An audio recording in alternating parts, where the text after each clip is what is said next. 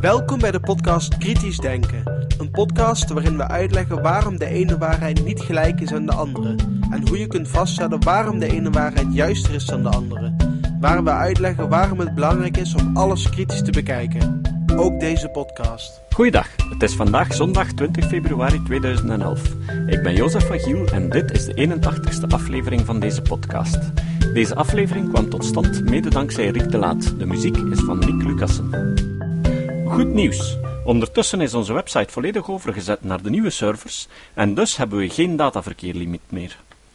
Ik heb ondertussen ook de rekening geopend en via de link steunen op de website kan iedereen die wil via een Europese overschrijving een bijdrage geven. Maar er is nog veel werk aan de winkel. Op het Belgische deel van iTunes zijn er ondertussen drie recensies geplaatst en veertien waarderingen gegeven. Daar is er dus nog heel veel werk. Kritisch denken staat op de tweede plaats van de wetenschapspodcasts, maar komt in de algemene lijst niet voor. En dat terwijl we in Nederland overal op nummer 1 of 2 staan. In ieder geval, iedereen bedankt voor de steun. De tekst van vandaag is geschreven door Paul de Belder met een copyleft. Vandaag bespreken we alternatief vliegen. Brussel, 1 april 2012, van onze correspondent bij het Europese Parlement. In een recent perscommuniqué geeft een woordvoerder van het Europees Parlement duiding bij de recent goedgekeurde wet op het alternatief vervoer.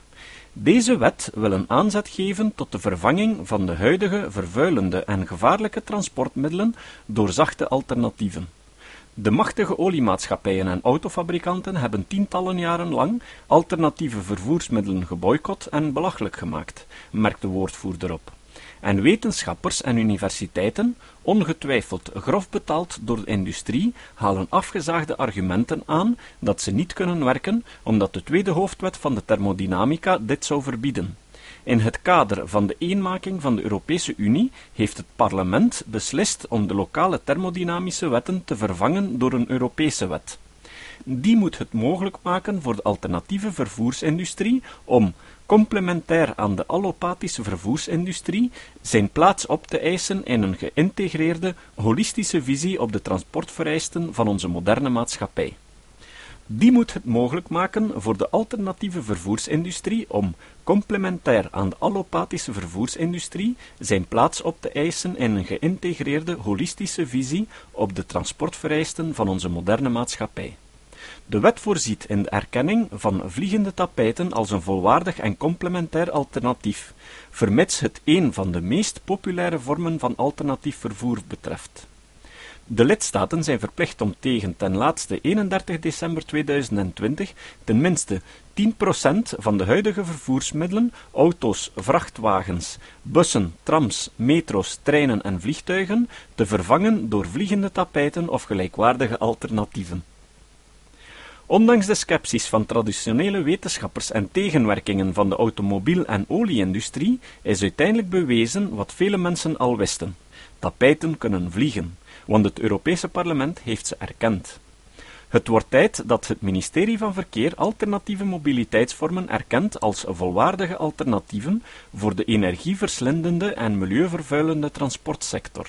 Het is een schande dat de olieindustrie zoveel winst maakt op de kap van de consument en bovendien alternatieve oplossingen onderdrukt. Auto- en oliebedrijven sponsoren onderzoek aan de universiteiten en controleren zo de publicatie van de resultaten. Het is duidelijk waarom de officiële wetenschap al honderden jaren het bestaan van vliegende tapijten logent.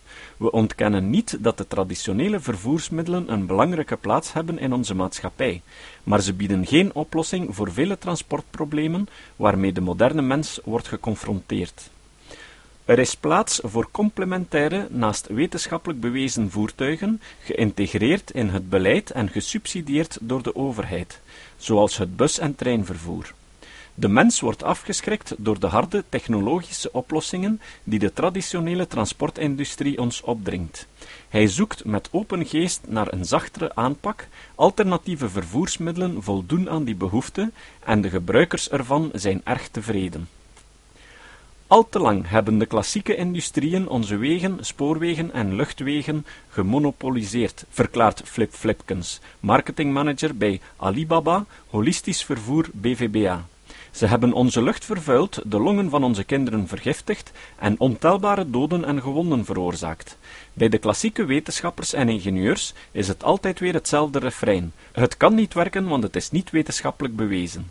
De wetenschap weet ook niet alles, en daarbij, Einstein heeft gezegd dat E gelijk is aan m c kwadraat. Dat massa equivalent is aan energie, dus kunnen tapijten vliegen. Alibaba is al meer dan twintig jaar actief in de tapijtsector, maar hun technologie gaat terug tot ten minste de tiende eeuw, toen ze een belangrijke rol speelde in de technologie zo lyrisch beschreven in Duizend en één nacht. Onze technologie is meer dan duizend jaar oud, volgens Flipkens, dus werkt ze. We hebben veel tevreden klanten en hebt u al ooit van een vliegend tapijtongeval gehoord? Nee? U ziet wel hoe veilig onze technologie is.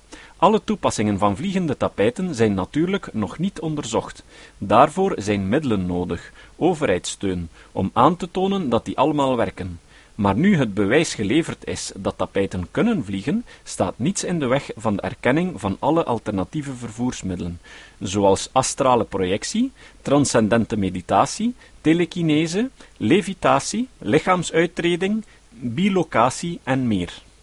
Goed ingelichte bronnen melden ook dat het parlement eindelijk werk maakt van een vervanging van de eeuwenoude wet op het behoud van energie. Onze gedreven Europese politici zijn van mening dat een einde moet gemaakt worden aan het monopolie van de klassieke industrie op onze energieproductie. Als we de CO2-uitstoot van onze lidstaten drastisch willen verminderen, dan moeten we revolutionaire maatregelen durven nemen, vertelt Jeff Groenen, zetelend voor Groen Blok. Daarom willen we die bekrompen klassieke wet vervangen door een nieuwe holistische visie. In een eerste fase zou het parlement een wet uitvaardigen die stipuleert dat uitvinders van een perpetuum mobile niet meer hoeven aan te tonen dat hun uitvinding werkt. Dat is een eerste stap in ons streven om de energiemarkt vrij te maken voor alternatieve holistische energieproducenten, vervolgt Groenen. We plannen om deze wetgeving daarna uit te breiden naar andere alternatieve energiebronnen, zoals nulpuntenergie, spontane verbranding, antigravitatie en brandende braanbossen. Eventuele tegenkantingen uit de hoek van de klassieke wetenschap wuift Groenen weg. Benveniste werd ook niet geloofd door de wetenschap, maar sinds we in 2011 in het parlement beslist hebben dat homeopathie werkt, uh, werkt het. Copyleft, Paul de Belder. Woordelijk kopiëren en distribueren van dit artikel is toegestaan in elke vorm, met duidelijke verwijzing naar de auteur. Klinkt dat belachelijk? Zojuist heeft Europa een wet gestemd om homeopathie zonder wetenschappelijk bewijs te erkennen en in 1897 heeft de staat Indiana in de Verenigde Staten gestemd dat het getal pi voortaan gelijk zou moeten zijn aan 3,2. Het citaat. Het citaat van vandaag is van Ed Wilson. Wilson was een Amerikaanse bioloog die zich sterk heeft ingezet voor natuurbehoud. Hij stond aan de basis van de Encyclopedie van het Leven, een prachtige website waarin je uren kan ronddolen en een idee krijgen van de enorme rijkdom van het leven op aarde. Wilson zei: Wetenschappers die verantwoordelijk gehouden worden voor wat ze zeggen, hebben het postmodernisme nooit nuttig gevonden. Tot de volgende keer. Dit was de podcast Kritisch Denken. Vergeet niet om alles kritisch te behandelen, ook deze podcast. Voor verdere informatie over deze podcast, links en voor de tekst, surf naar www.kritischdenken.info. Als je deze podcast belangrijk vindt, kun je me steunen door anderen warm te maken ook eens te luisteren.